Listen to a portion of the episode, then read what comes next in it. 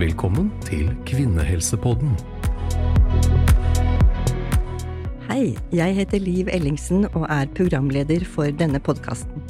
Jeg har jobbet som fødselslege i mange år og brenner for å spre trygg kunnskap. Ufrivillig barnløshet er noe som rammer ca. hvert syvende par. Årsakene kan være mange og er ofte kombinerte. I dag finnes det flere behandlingstilbud til ufrivillig barnløse, blant annet IVF, som vi har snakket om i en tidligere episode.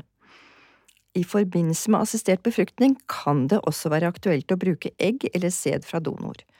Og i dag skal vi lære mer om dette, og vi har derfor invitert Nan Birgitte Oldereid hit. Nan er gynekolog og fertilitetsspesialist, og har doktorgrad om mannlig infertilitet og miljøfaktorer. Hun har også skrevet boken Hvorfor blir jeg ikke gravid? Men til daglig arbeider hun ved Livio-klinikken i Oslo, den første private infertilitetsklinikken i Norge. Velkommen hit, Nan. Takk. I 2014 forsto Hege Paulsen og samboeren at de trengte hjelp til å få barn. Da startet den åtte år lange reisen i IVF-behandling. Etter mange forsøk i både Norge og utlandet ble de til slutt foreldre med hjelp av eggdonasjon. Det skal vi få høre mer om senere. Velkommen til deg, Hege. Hei, og tusen takk. Først til deg, Nan. Hva betyr det egentlig å være ufrivillig barnløs? Ja, da har vi jo en definisjon om infertilitet som Verdens helseorganisasjon, WHO, har satt opp. Mm. Så hvis man har vært, eh, har vært sammen med eh, en partner i, og hatt regelmessig seksuelt samliv, samleie siste året uten bruk av prevensjon, uten å oppnå graviditet, så er man per definisjon infertil. Så ett år. Ett år. Nå er det sånn at akkurat for en måned siden eh, så foreslo den amerikanske fertilitetsforeningen, den faglige foreningen, der om at vi skulle endre den definisjonen. Ja. Forslaget er da at den skal inkludere også andre som ikke får barn. Eh, sånn at definisjonen av infertilitet er en, er en tilstand eller en sykdom eh, ved at man ikke klarer å få barn selv. Sånn det også involverer single kvinner, det involverer likekjønnede par, eh, også single menn, eh, i tillegg til da de som har en sykdom. Så det er ikke lenger bare det at du skal ha en tilstand, en sykdom som gjør at du ikke får barn, men at det kan være Altså det er ingen som skal være ekskludert fra å søke fertilitetsbehandling. Nei, og det vil da gjelde flere. Mm. Ja. Du skriver i boken din å være ufrivillig barnløs kan være like belastende som å få en alvorlig sykdom. Ja, kan man, du si hva du mener med det? Ja, man anser det å være mm, infertil For noen kan det være som en livskrise. Eh, det er veldig vanskelig, og det at man ikke klarer å få til som det man tenker er så elementært så enkelt, det å få barn. Ja. Det skal være så greit, man er jo her selv. Og så ser man at det nytter ikke. Månedene går, mange føler på skam, føler på øh, frykt, redsel, og tenker at har dårlig samvittighet, for tenk om det sånn som jeg har levd før, jeg har hatt en klamydiainfeksjon, jeg har røkt, altså er det det som er årsaken, er det noe jeg har gjort galt? Som går i seg selv og ja, gjør, mange selv? Gjør det, altså, ja. og klandrer og ja. Og vi vet jo også som for eksempel de som opplever flere spontanaborter, de har fire ganger økt risiko for depresjon. Hvordan det er ved infertilitet akkurat tallfestet, det tør jeg ikke si, men at det er veldig tungt for veldig mange. Så her går det inn i sjela. Ja, det, det gjør er ikke bare altså. noe fysisk. Ja, ja. Og så ser det da ut som alle andre ordner det så lett, at det bare er meg som ikke får det til. Er det ja. ikke sånn det ofte ja. føles? Ja, og for mange kan det føle at man trekker seg tilbake fra det sosiale livet. At man orker ikke være sammen med andre som har barn, og er, de føler at de kanskje blir også ekskludert fra andre par, andre venner som de har hatt før, for nå har jo de barn, mens de her har jo ikke barn lenger, har jo ikke barn ennå, så, så, så det der, det sosiale kan være veldig vanskelig. Det er et viktig mm. aspekt å få med mm. når man snakker om dette. Ja, helt klart. Men nå skal vi snakke litt mer om de forskjellige behandlingstilbudene, da. Det rent konkrete, så la oss nå gå inn på de litt ulike formene eh, for assistert befruktning. Så kan vi starte med IVF. Ja, eller kanskje aller først inseminasjon. Ja. For det hender jo noen ganger at uh, vi velger inseminasjon, altså at vi følger kvinnen i en syklus, enten at hun er en naturlig syklus, følger henne til eggløsning, eller at vi gir henne tabletter så hun får eggløsning. Og så, når hun er ved eggløsning, så renser vi en sædprøve, enten partnerens sæd eller eh, donorsæd, og som vi setter da inn i livmoren til kvinnen. Så dette er den enkleste, enkleste formen, på en måte? Ja. ja. Er det vanlig? Ja, altså du kan si at eh, nå skal vi snakke om donasjon etterpå, og da er det mm. kanskje det vanligste å benytte i starten, ved sæddonasjon. Eh, ellers kan det være for par som ikke klarer å ha samleie, for eksempel. Og noen blir så slitne av å måtte time alt rundt eggløsningen, sånn at det kan For noen sier at det er enklere å komme på klinikken. Så, så har vi det hyggelig hjemme, og så gjør dere det tekniske på jobben. Ja, det kan du få hjelp til. Mm. Ja, så fint. Men da kan vi si litt om IVF, da. Ja, IVF eh, betyr jo in, Altså det står for in vitro fertilisering, som betyr uh, befruktning i et uh, reagensglass. Mm. Vi kaller det ofte prøverørsbefruktning eller prøverørsbehandling. Da må kvinnen gjennom en hormonstimulering, slik at hun får modnet flere egg enn det ene som vanligvis kommer ved eggløsning.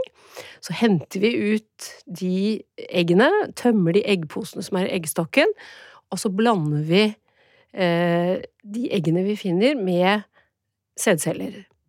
Og da vil vi gjerne ha noe sånt som 50 000-100 000 svømmende sædceller til eggene. Det høres mange ut. Ja, det gjør det, men det er veldig rart, for hvis man har bare 10 000, 20 000, så er det en lavere sjanse for at hvert egg blir befruktet, faktisk. Og hvis vi da ikke har så mange som 100 000 eh, sædceller, eller at de svømmer veldig dårlig, så gjør vi det som heter mikroinjeksjon, eller ICSI. Ja. Det betyr at man, de bokstavene der, ICSI, det betyr at man tar en sædcelle rett inn og injiserer rett inn i egget. Og det er sammen med IVF? Ja. ja. Sånn at man gjør den samme hormonstimuleringen, henter ut eggene, og så man, gjør man da IVF, altså prøverørsbefruktning, med mikroinjeksjon, eller altså med ICSI. ICSI står for intracytoplasmatisk spermieinjeksjon, altså at man tar én sædcelle og injiserer rett inn i eggcellen. Da vet vi litt om de ulike metodene, men da skal vi over til det som er hovedtemaet i dag, som er donasjon. Og da begynner vi på det vanligste, og det som har vært brukt mest, eller til lengst, for lengst tid, sæddonasjon. Når er det aktuelt, Nan? Ja, det er eh, aktuelt for flere pasientgrupper, og det er jo særlig har det vært brukt der hvor mannen i paret ikke produserer sædceller, eller han har sædceller som ikke fungerer. Det er jo ganske logisk. Mm. Da får man hjelp. Ja. Så, og, og sæddonasjon ble jo faktisk eh, startet å benytte i Norge for rundt 100 år siden.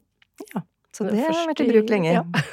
på forskjellige måter. Ja. Og ikke så regulert som det er nå. Helt klart. Hvem er det som kan få sæddonasjon? Er det Enslige par Ja, i tillegg til par der mannen ikke har sædceller, så er det jo da eh, likekjønnede par, altså to kvinner. Da kan de eh, få tilbud om behandling med sæddonasjon. Og single kvinner. Og hvem er det som kan gi sæd? Det er det vel en del spekulasjon rundt? Ja, der har eh, vi en grundig veileder fra Helsedirektoratet som på en måte regulerer veldig mye om hva sædbankene skal gjøre, og hva klinikkene som benytter sæd som er donert, kan gjøre. Altså en sæddonor, han skal han må være mellom 18 og 45 år, aller helst mellom 25 og 45 år, og det er det vi opplever, at de fleste mennene er i den alderen. Ja. Eh, han skal være bosatt i Norge. Eh, han skal være frisk han skal ha en frisk familie. Så det skal ikke være noe risiko for arvelige sykdommer som er kjente, da. Nei, i den grad man gjøre... kan utelukke det. Ja, vi har ikke lov å gjøre noe genetisk eller noe sånn arvelig En undersøkelse av arvelige faktorer av han, det har vi ikke muligheten til. Men vi spør om eh, foreldresykdom, søsken, besteforeldre, tanter og onkler, for å på en måte kartlegge så mye som mulig hvilke sykdommer som er i slekten. Mm -hmm. Og så må det kanskje også gjøres noen undersøkelser før de får gi sæd. Mm. Ja, fordi at eh, først så må de jo levere en sædprøve. Ja. Og fordi man må teste for hepatitt og hiv, blant annet. Eh, vi må vite at ikke han er bærer av noen smittsomme sykdommer, ja. som det, blant annet. Så blir eh, sædcellene frosset. Sånn at han donerer, og så blir det testet før han begynner, og så blir det testet etterpå. At han ikke er eh, bærer av hepatitt B, C, hiv og et par andre infeksjonssykdommer. Det er jo trygt for Ja, de som skal ta det. Og da må vi vite at sæden også tåler å tines.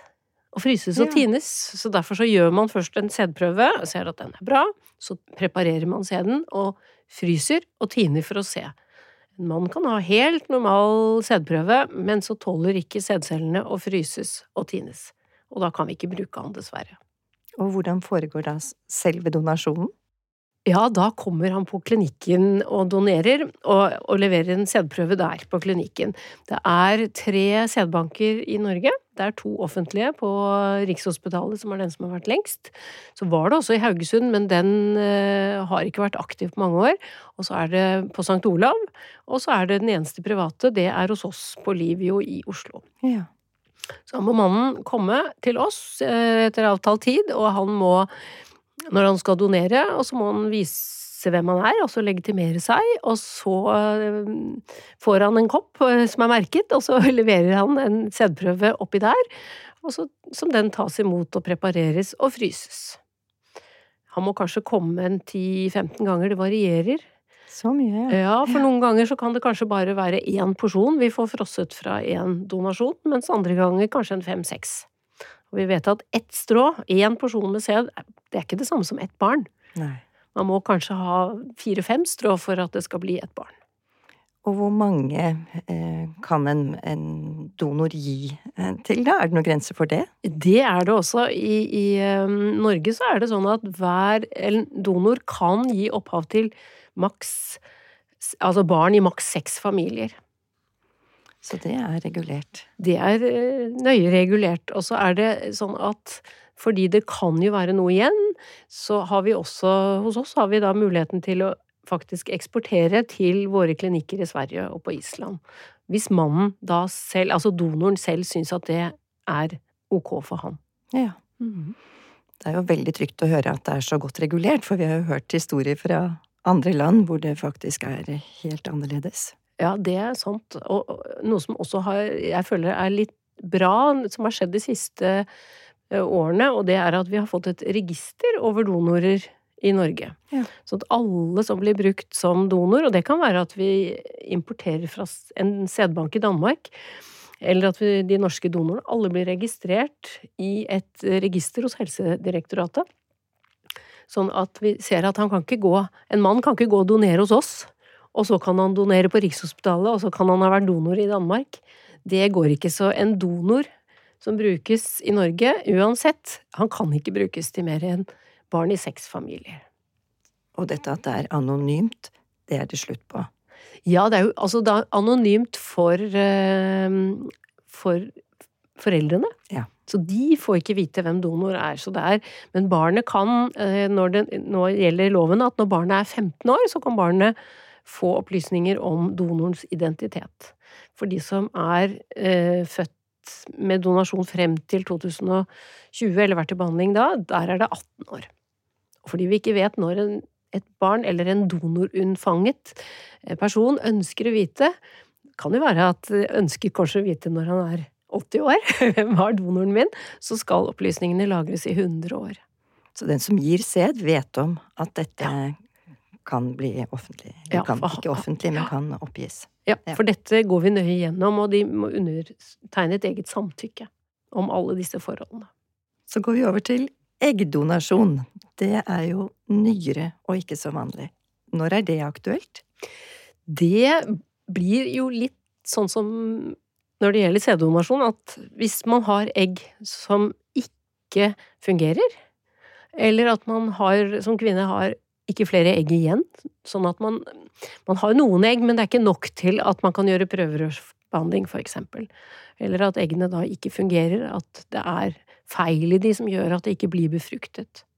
Så vi opplever at en tredjedel av de som kommer til oss, de har kommet i overgangsalderen altfor tidlig. Ja. Vi vet at ca. én av 100 kommer i overgangsalder før hun er 40, og én av 1000 før hun er 30 år. Så en tredjedel av våre pasienter er unge kvinner som har kommet i overgangsalderen veldig tidlig og helt overraskende. Og de andre, den andre to tredjedelen er kvinner som er i den øvre delen av reproduksjonsalderen, altså 40 pluss, for å si det sånn. Eh, Hvor man ser at det kanskje ikke er egg nok til å gjøre prøverørsbehandling, eller at eggene faktisk ikke utvikler seg sånn som de skal. Så Og det er jo en økende gruppe, for kvinner utsetter jo sin Ja, gravid, graviditeter i dag. Ja, det Mhm. ser vi ut ifra fødselstallene i Norge. At Mm. eh, da, altså tidspunkt for første fødsel har jo økt mange år. Så da vil det jo automatisk nesten bli flere bli flere. i den aldersgruppen, da. Så er det litt viktig å få med at vi har en øvre aldersgrense, da. Ja. Fordi at eh, Stortinget ble enige om, da de gikk gjennom loven på nytt i 2020, at vi får ikke lov å sette tilbake et befruktet egg til en livmor når kvinnen har fylt 46 år. 46 år. Ja. Og dette er norske regler. Dette er norske regler. Det er ikke så uvant, for eksempel hvis vi er i våre naboland, sånn som eh, Sverige og Danmark, så er det omtrent samme regelverket når det gjelder akkurat det med alder, altså. Ja, ja. Selv om ikke det er noe lovpålagt, så er det sånn. Når ble det lov i Norge? Og Det ble lov, altså loven ble endret i 2020, men det ble ikke innført eggdonasjon før i 2021. Så det er dette bare to ganske år. Deilig, og det er ikke så mange klinikker som gjør det heller, som du sa. Mm. Nei, det er én offentlig, og så er det flere private. Ja. Hvordan foregår eggdonasjon? Kan du si noe om det? Ja, altså for, for kvinnen som er donor, hun som skal gi egg, hun eh, må gå gjennom samme behandling som en kvinne som skal til prøverørsbehandling. Så hun må bruke de samme hormonsprøytene. Så dette er en, det er en liten jobb. De må sette sprøyter til fastsatt tid hver dag, de må komme til kontroll på klinikken når det når vi skal se om eggposene har utviklet seg, og så henter vi ut egg på samme måten som når vi gjør vanlig prøverørsbehandling, men vi bruker vanligvis en mer skånsom behandling, eh, sånn at hun får færre bivirkninger under og etter behandlingen. Ja.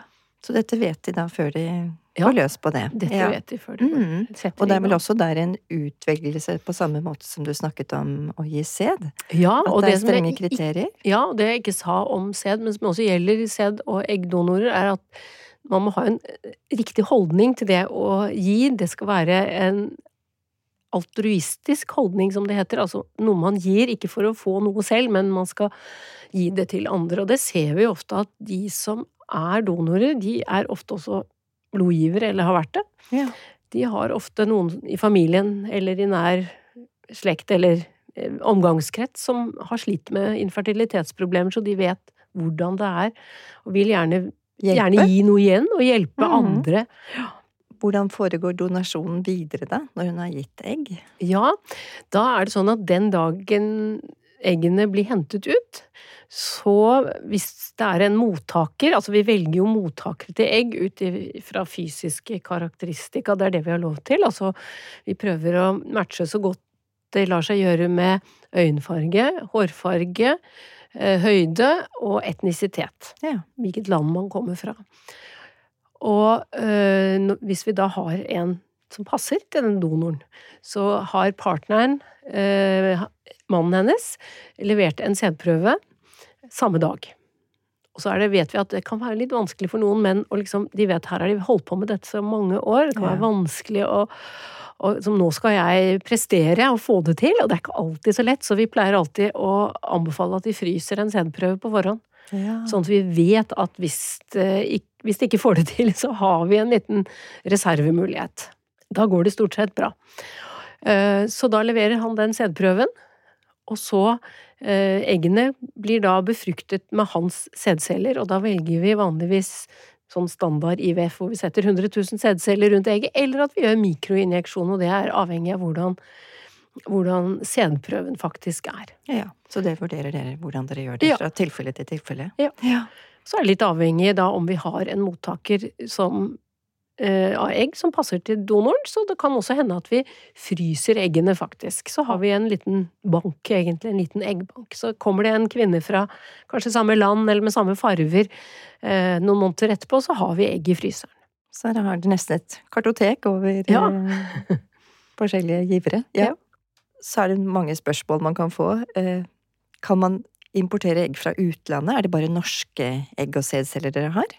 Nei, altså det er sånn at i Norge, i regelverket i Norge, så er det lov å importere fra nordiske klinikker. Ja. Så det gjelder jo da Island, det gjelder egg fra, fra, Sverige og fra Finland. Nå er det sånn at i Danmark så tror jeg lovgivningen er sånn at man har ikke lov å ha en eggbank. Nei. Så, um, så det blir stort sett Island, Sverige og Finland. Det er litt forskjell hvordan de forskjellige klinikkene gjør det, men nå ser vi jo at vi som driver med eggdonasjon i Norge, at er, vi, har, vi har egentlig et passe antall med donorer i forhold til de som trenger donasjon. Nå tror jeg vel kanskje at det er mange som fortsatt ikke vet at det er lov i Norge å gjøre eggdonasjon. Og så er det det at selv om vi akkurat nå har nok donorer, så er jo det noe som vi Vi trenger jo hele tiden nye donorer. Ja, For en eggdonor kan kun donere tre ganger. ja akkurat. Ja. Og da er det jo mye færre egg man gir enn disse sædcellene. Ja, det er jo det. Mm. Så, og, det og, og det gjelder akkurat som med sædceller, at ett egg blir ikke et barn. Nei. Så man kan tenke seg at eh, kanskje man må ha et sted mellom ja, fem og åtte egg for å få, være sikker på at man får et befruktet egg som egner seg til Og så dyrker vi jo de eggene da i fem-seks dager, og så fryser vi de, og så setter vi tilbake det befruktede egget, som kalles en blastocyst, når den Mm. har delt seg i fem-seks dager. Og da setter vi den tilbake i den kvinnen som skal motta eh, det donerte egget en senere måned. Det kan være noen dager etterpå, det kan være en måned etterpå, det kan være lengre tid etterpå. Hvis noen skulle trenge både, både sæd og egg, hvordan er det i Norge? Ja, det er ikke lov. Og det syns jeg kanskje er det som bør tas opp neste gang loven skal gjennomgås. Eh, For man opplever jo, møter jo folk som har eh, Kanskje det kan være eh, unge som har møtt hverandre i, la oss si, Kreftforeningens ungdomsgruppe. Begge to har vært, både en kvinne og en mann har vært behandlet for kreft i barnealder. Og det har ikke vært mulig å fryse verken eggstokkvev, egg eller sæd. Og så ønsker de seg barn, de er begge friske. Men de har da ikke noe tilbud i Norge, så I de må reise utenlands. Men det er tilbud bare over grensen til Sverige. For da, når vi snakker om utlandet, så må vi nesten si litt om den turismen som foregår. Ja. For det er jo veldig mange som reiser utenlands for Mm. å Mm. få både egg og sæd. Kan du Mm. si litt mer om uh, Ja. det? Ja, vi kaller det jo ofte fertilitetsturisme, ja. Det vi vet er at de, våre naboland, og for øvrig også en Altså, det er mye regler som gjelder i EU og EØS med testing. Kommer du utenfor EØS-området, så, så vet vi ikke, har vi ikke den samme tryggheten på testing av sæd og egg, altså av donorer. Eh, Det kan ofte være umulig å få vite hvem den donoren var. Det er, det er ikke det samme opplegget som i Norge. Det er ofte anonymt, og vi vet heller ikke hvordan donorene blir eh, tatt vare på. Hvor Nei. mange ganger er det lov å donere egg, for eksempel, i, i enkelte land? Det vet vi ikke. Så øh, derfor så er det mange grunner til at man anbefaler at man kan være lurt å tenke litt nærmere altså Norge og Norden. Så kommer vi til et sentralt spørsmål. Har barn rett til å vite noe om hvem donoren er? Du, du sa jo litt om det før.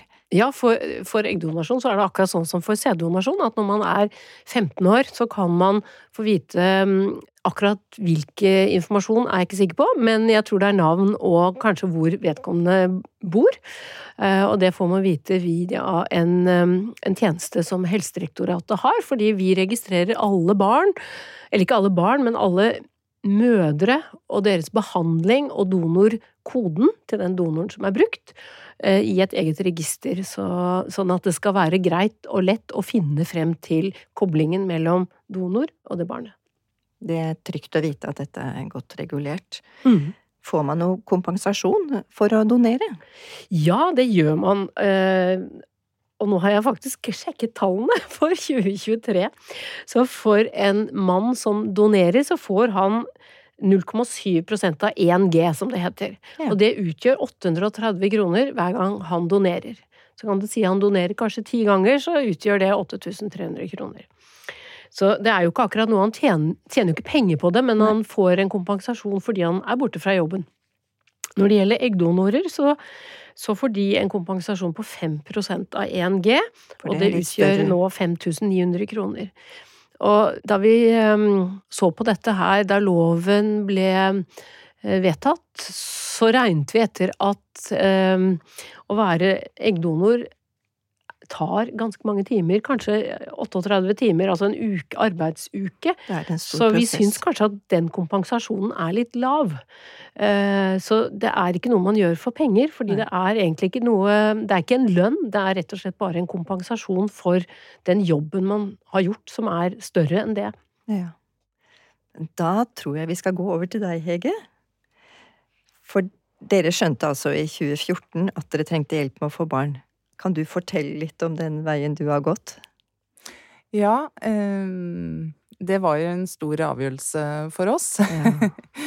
Vi møttes jo litt sånn sent i, i livet, og jeg eh, var på oppdrag med Leger uten grenser og skulle jobbe i Afrika resten av livet. Så du er sykepleier? ja, Ja. sykepleier. Sånn at eh, Så møtte jeg Glenn, min nåværende samboer, rett før jeg reiste. Eh, så det, det var en litt sånn omveltning, men når jeg møtte han, så kom også barneønsket. Og så eh, reiste vi på ferie til New York i sommeren 2013, og det var en sånn stor avgjørelse at når vi kom hjem derfra, så skulle jeg slutte på prevensjon, og vi skulle bli foreldre. For det hadde jo alle rundt oss eh, blitt. Sånn at vi hadde jo ingen eh, anelse om hva som ventet oss. Ehm, og så prøvde vi kanskje en ni måneders tid, og så er jeg litt sånn utålmodig av meg, så jeg begynte å google rundt om mm. uh, hvordan kunne jeg liksom optimere kroppen min for å bli fortere og lettere gravid. Og da kom jeg over um, siden til Frøya-klinikken, som, uh, som jobber med dette. Og hun kunne jo Anette der kunne gi litt tips om uh, kosttilskudd og, og ja, måter å leve på. Og så så hun på Glenn, og så sa hun men du burde ta en sædprøve. Ja. Og det hadde han aldri gjort, og hadde aldri prøvd å bli far. Sånn at, eh, sånn at han gjorde det. Og så eh, kom den prøven tilbake, og viste seg å, eh, på tallene at det var redusert sædkvalitet. Så da var det jo greit å vite noe, da. Ja, det var veldig greit å vite noe, um, og vi fikk fullstendig sjokk. Ja. Eh, for det hadde vi absolutt ikke ventet. Vi bare trodde han skulle ta den testen og få tilbake at alt var fint. Han er en sånn spreking og friskus. Um, aldri røyka i hele sitt liv, og, og alle disse tingene her. Og så kom den tilbake da med med både feil og lite og ja. Så det, det var et sjokk, rett og slett. Og da fikk han eh, en liten eh, sånn sprøytekur for å prøve å bedre den kvaliteten. Men ble allerede da eh, forberedt på at hvis ikke dette hjelper, så anbefaler jeg dere å søke IVF-behandling. Ja. Og så vi satte disse sprøytene, og det viste seg å ikke hjelpe, så da var det mm, søknad til eh, fertilitetsklinikken i, i Porsgrunn. Og da var det ikke donasjon, da var det Nei. vanlig IVF. Det var vanlig VF, for det sto også i kommentaren fra legen der at, at han hadde mulighet til å eh, befrukte hvis eh, partner hadde god fertilitet. Og jeg var jo også gjennom noen undersøkelser, og det viste seg å se fint ut. Så da var vi i gang med egne egg og egne sædceller. Så da hadde dere en reise med IVF-behandlinger. Mm, det hadde vi. Hvordan gikk det? Nei, det gikk jo ikke det. Eh, Vi hadde disse tre forsøkene i det offentlige, og på det siste innsettet så, så fikk jeg eh, en positiv graviditetstest, men den HCG-en eh, var så lav at eh, dagen etter så begynte jeg å blø sånn at det var så vidt at det hadde festet seg. Så Ja. da var vi helt i villrede av hva vi skulle gjøre videre. Da vi startet, så var det liksom ikke så viktig å få barn. Altså, jeg hadde reist mye og hadde Og Glenn også hadde gjort mye i livet, så vi tenkte at vi gir det et år, og de tre forsøkene vi får i det offentlige. Og går det ikke da, så går vi videre i livet uten barn. Det går helt fint. Men det gjorde det jo ikke. Vi hørte jo Nan sa i starten her at det ofte går utover eh, sjelslivet, holdt jeg på å Mm. si. Det psykiske. Mm. Og det startet som et sånt lite sideprosjekt, på en måte, i livet. Eh, At det ikke tok så voldsomt stor plass, men etter hvert så er det akkurat som det barneønsket bare Det bare lever sitt eget liv, og så blir det sterkere og sterkere, og så blir det mer og mer av altoppslukende etter hvert. Så Og så måtte de også gjøre mer, da. For da ja. Hadde dere brukt opp det offentlige i Norge. Fortell Ja. litt videre hva dere gjorde Ja, da. så vi havnet eh, ved Olga-klinikken i St. Petersburg, eh, og de går jo for å være kjempeflinke, og noen av de beste i, i verden. Det er jo ikke førstevalget for de fleste å dra til Russland i fertilitetsbehandling. Så de får mange vanskelige mm, caser. Så vi dro dit, eh, fortsatt da for å prøve egne egg og sæd, for Mhm. vi fikk beskjed av Olga selv at dette så bra ut. Eh, Men vi skulle gjøre litt sånn andre ting enn vi hadde prøvd tidligere. Så vi dro dit og kjøpte en sånn trepakk, som det heter, Ja. eh, i god tro. Tenkte at det skulle gå på første forsøk igjen. Det tenkte vi jo hver gang vi starta på en ny klinikk og behandling. Eh, Men etter tre egguttak der og mange innsett og to år i behandling der, så sa jeg at nå er jeg forsynt. Nå orker jeg ikke mer.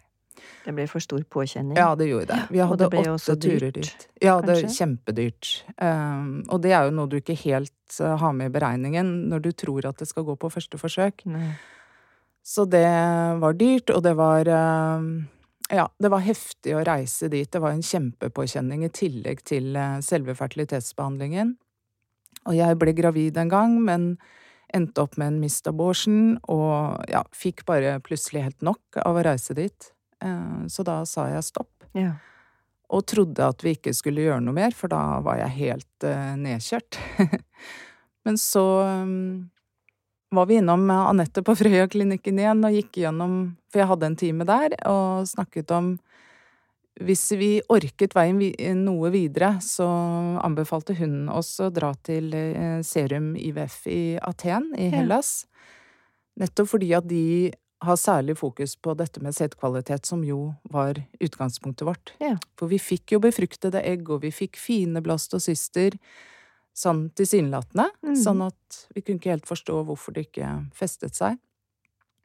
Så vi tok kontakt med de, og var igjennom noen heftige antibiotikabehandlinger begge to, og Glenn tok masse tilskudd, og vi holdt på. Ja. Um, og gjorde et siste forsøk med mine egg. Mm. For det var mitt syvende egguttak, og jeg var 40 år.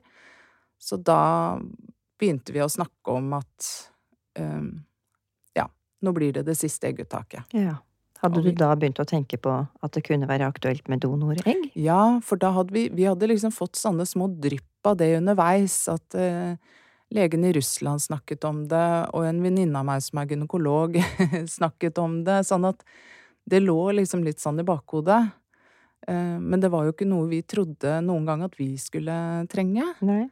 Og tenkte at hvis vi skal ha donasjon, så er det vel sæddonasjon vi trenger. Men eh, ja. Det var jo grunn til å tro etter hvert da at mine egg ikke var så gode. Så da ble det donoregg. Ja. Og hvordan gikk det til? Ja, altså vi hadde dette siste forsøket i Hellas, og da eh, satte vi inn flere egg av sånn ikke så god kvalitet. Og når jeg ikke ble gravid da, så var det akkurat som vi var klare for å prøve noe annet. I utgangspunktet så tenkte jeg nei, nå orker jeg ikke mer. Det har jeg sagt så mange ganger på denne reisen. Men eh, da sa hun legen til oss at hvis dere skal makse mulighetene, og hvis dere orker å prøve noe mer, så vil jeg anbefale dere dobbeltdonasjon. Ja, både egg og sæd. Både egg og sæd. Eh, rett og slett for å makse, både fordi at kanskje mine egg eh, sånn aldersmessig ikke var så gode, og Glenn sin reduserte sædkvalitet, så tenkte hun at da har dere best sjanse. Mm. Og da startet vi den prosessen med Jeg husker vi fant frem barnebilder av oss og var liksom klare for det. Ja. Men dette var jo 2020, så da kom korona. Ja. og da ble Hellas veldig langt borte. Eh, Og vi fikk ikke reist dit. grenser Og, ja, alt ble jo stengt. Stengt. Ja. Og så fulgte jo Norge liksom Danmark hele veien. Danmark lå litt foran oss, mm. så vi tenkte etter hvert at uh, Danmark er litt nærmere, og så tenker jeg at det er dit vi får reist Ja. eh, først. Hvis vi får reist noe sted. For da var fortsatt ikke eggdonasjon lov i Norge. Nei, akkurat. Og jeg hadde heller ikke tid til å vente.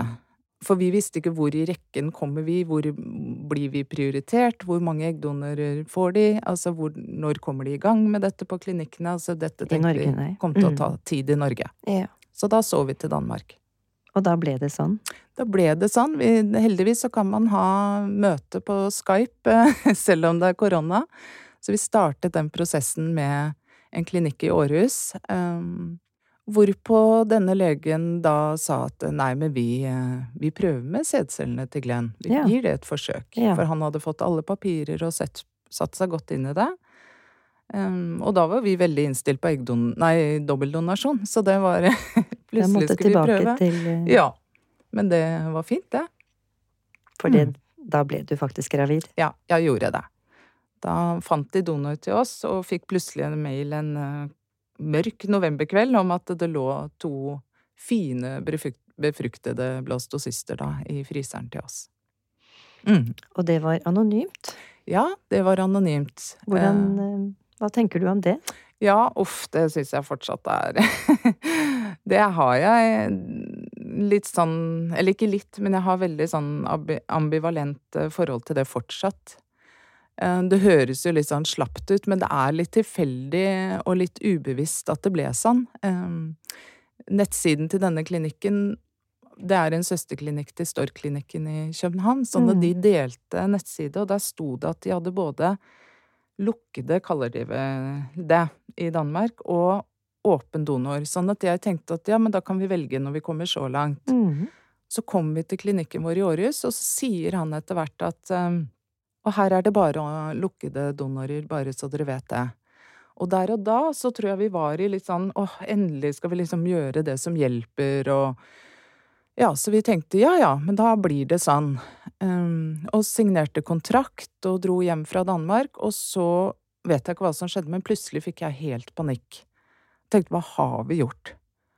Uh, og jeg så for meg alle mulige scenarioer fremover, at det barnet kom til å slite med dette i lang tid fremover, at vi hadde frarøvet uh, han, da, um, denne muligheten til å vite hvem hvem dette egget kom fra, kom han til å bli fly forbanna når han blir 15, og ja, mange sånne ting. Eh, Så jeg husker vi hadde en lang eh, tur i Østmarka hvor jeg gikk og bare var helt Hva er det vi Hvor har vi vært hen? Når vi, holdt jeg på å si, valgte dette. Mm. For det er jo et valg, men.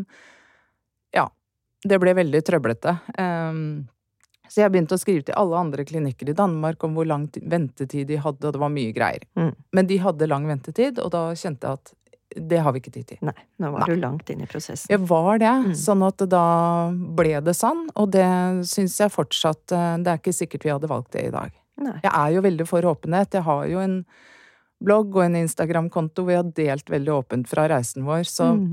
akkurat det skurrer litt, og mest av alt for eh, sønnen vår.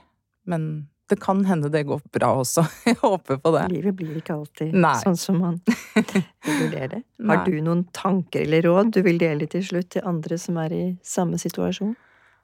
Å ja, jeg har mange. Mange. så du får bare stoppe meg.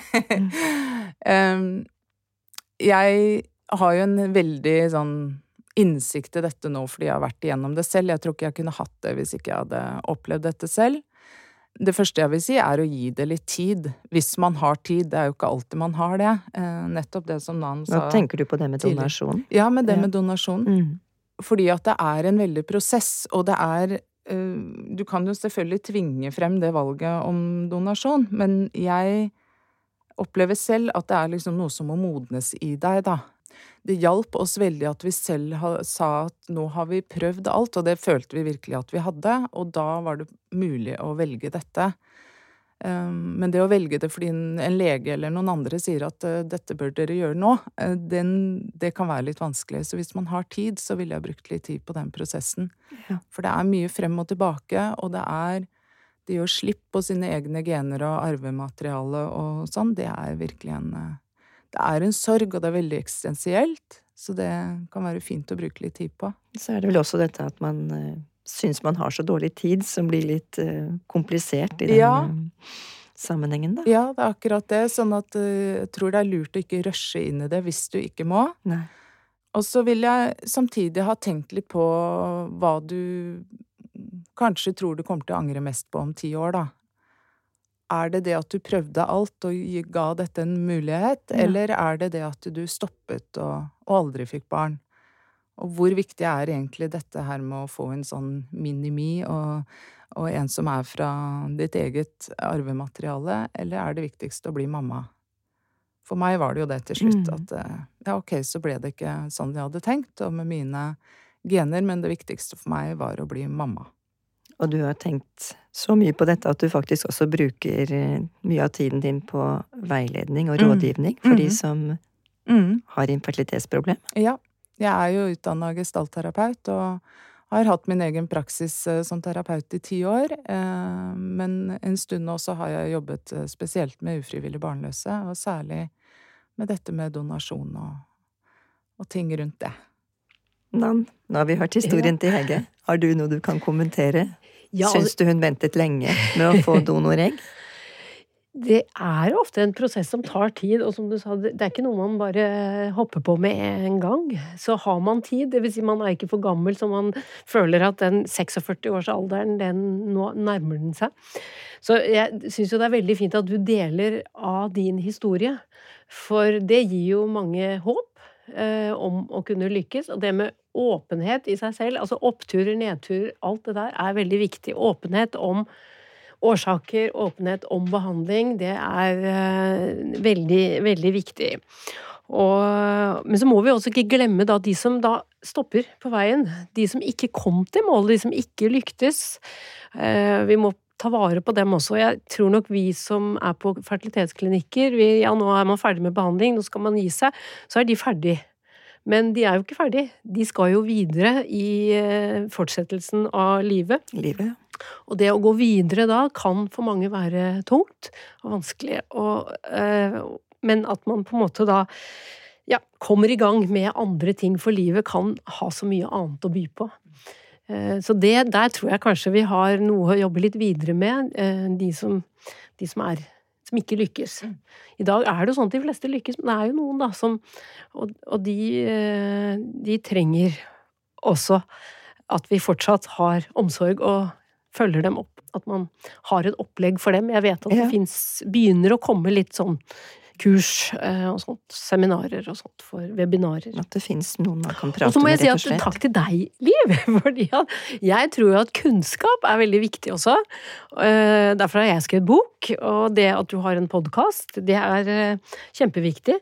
Vi hørte jo at du har vært rundt omkring i verden. Og vi vet jo at der ute gjøres det mye tilleggsbehandlinger som vi vet ikke har effekt. Det kan til og med skade. Eh, Så det på en måte er liksom det å å fremme riktig og trygg kunnskap om behandling, altså det vi kaller evidensbasert, det som er bevist, det tror jeg er viktig. For det er fort gjort å gå seg litt surr i alle tilbyr alt mulig, og, og så vet man ikke helt hva man skal tro på til slutt. Og man vil så gjerne, og da Man er det så lett så å åpne pengeboka og høre Ja. på andre venninneråd og Ja, alt mulig. ja. Så det er eh, kunnskap og åpenhet tror jeg kanskje er viktig. Viktigst. Hege, du hørte på Nann. Har Ja. du noe du kan, vil spørre henne om til slutt? Ja, jeg lurer på sånn Jeg vet jo hvordan det var for min egen prosess øh, å komme til det valget med donasjon, men øh, tenk på det Du som møter mange i løpet av en dag. Hva skjer i den overgangen der, og hva er det de fleste strever med der? Ja, det er litt forskjellig, da. Eh, For det er klart, noen har visst det lenge, at sannsynligvis så må jeg bruke donerte egg eller donert sædceller, og hatt tid til å, å, å snakke om det og tenke på det over lang tid. Mm. Men det er det der med at vil jeg bli like glad i det barnet, Mm. siden det ikke er mine gener? Det er det mange som er redd for. Både, det kan være både sæd, og det kan være egg. Mm. Men det blir man. Ja, jeg kjenner meg veldig igjen, og det var så mange som skrev til meg på lengtetid på den Instagram-kontoen min at du kommer til å bli like glad i det barnet.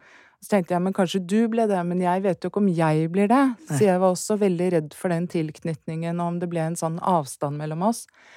Men eh, nei, nei, nei, nei.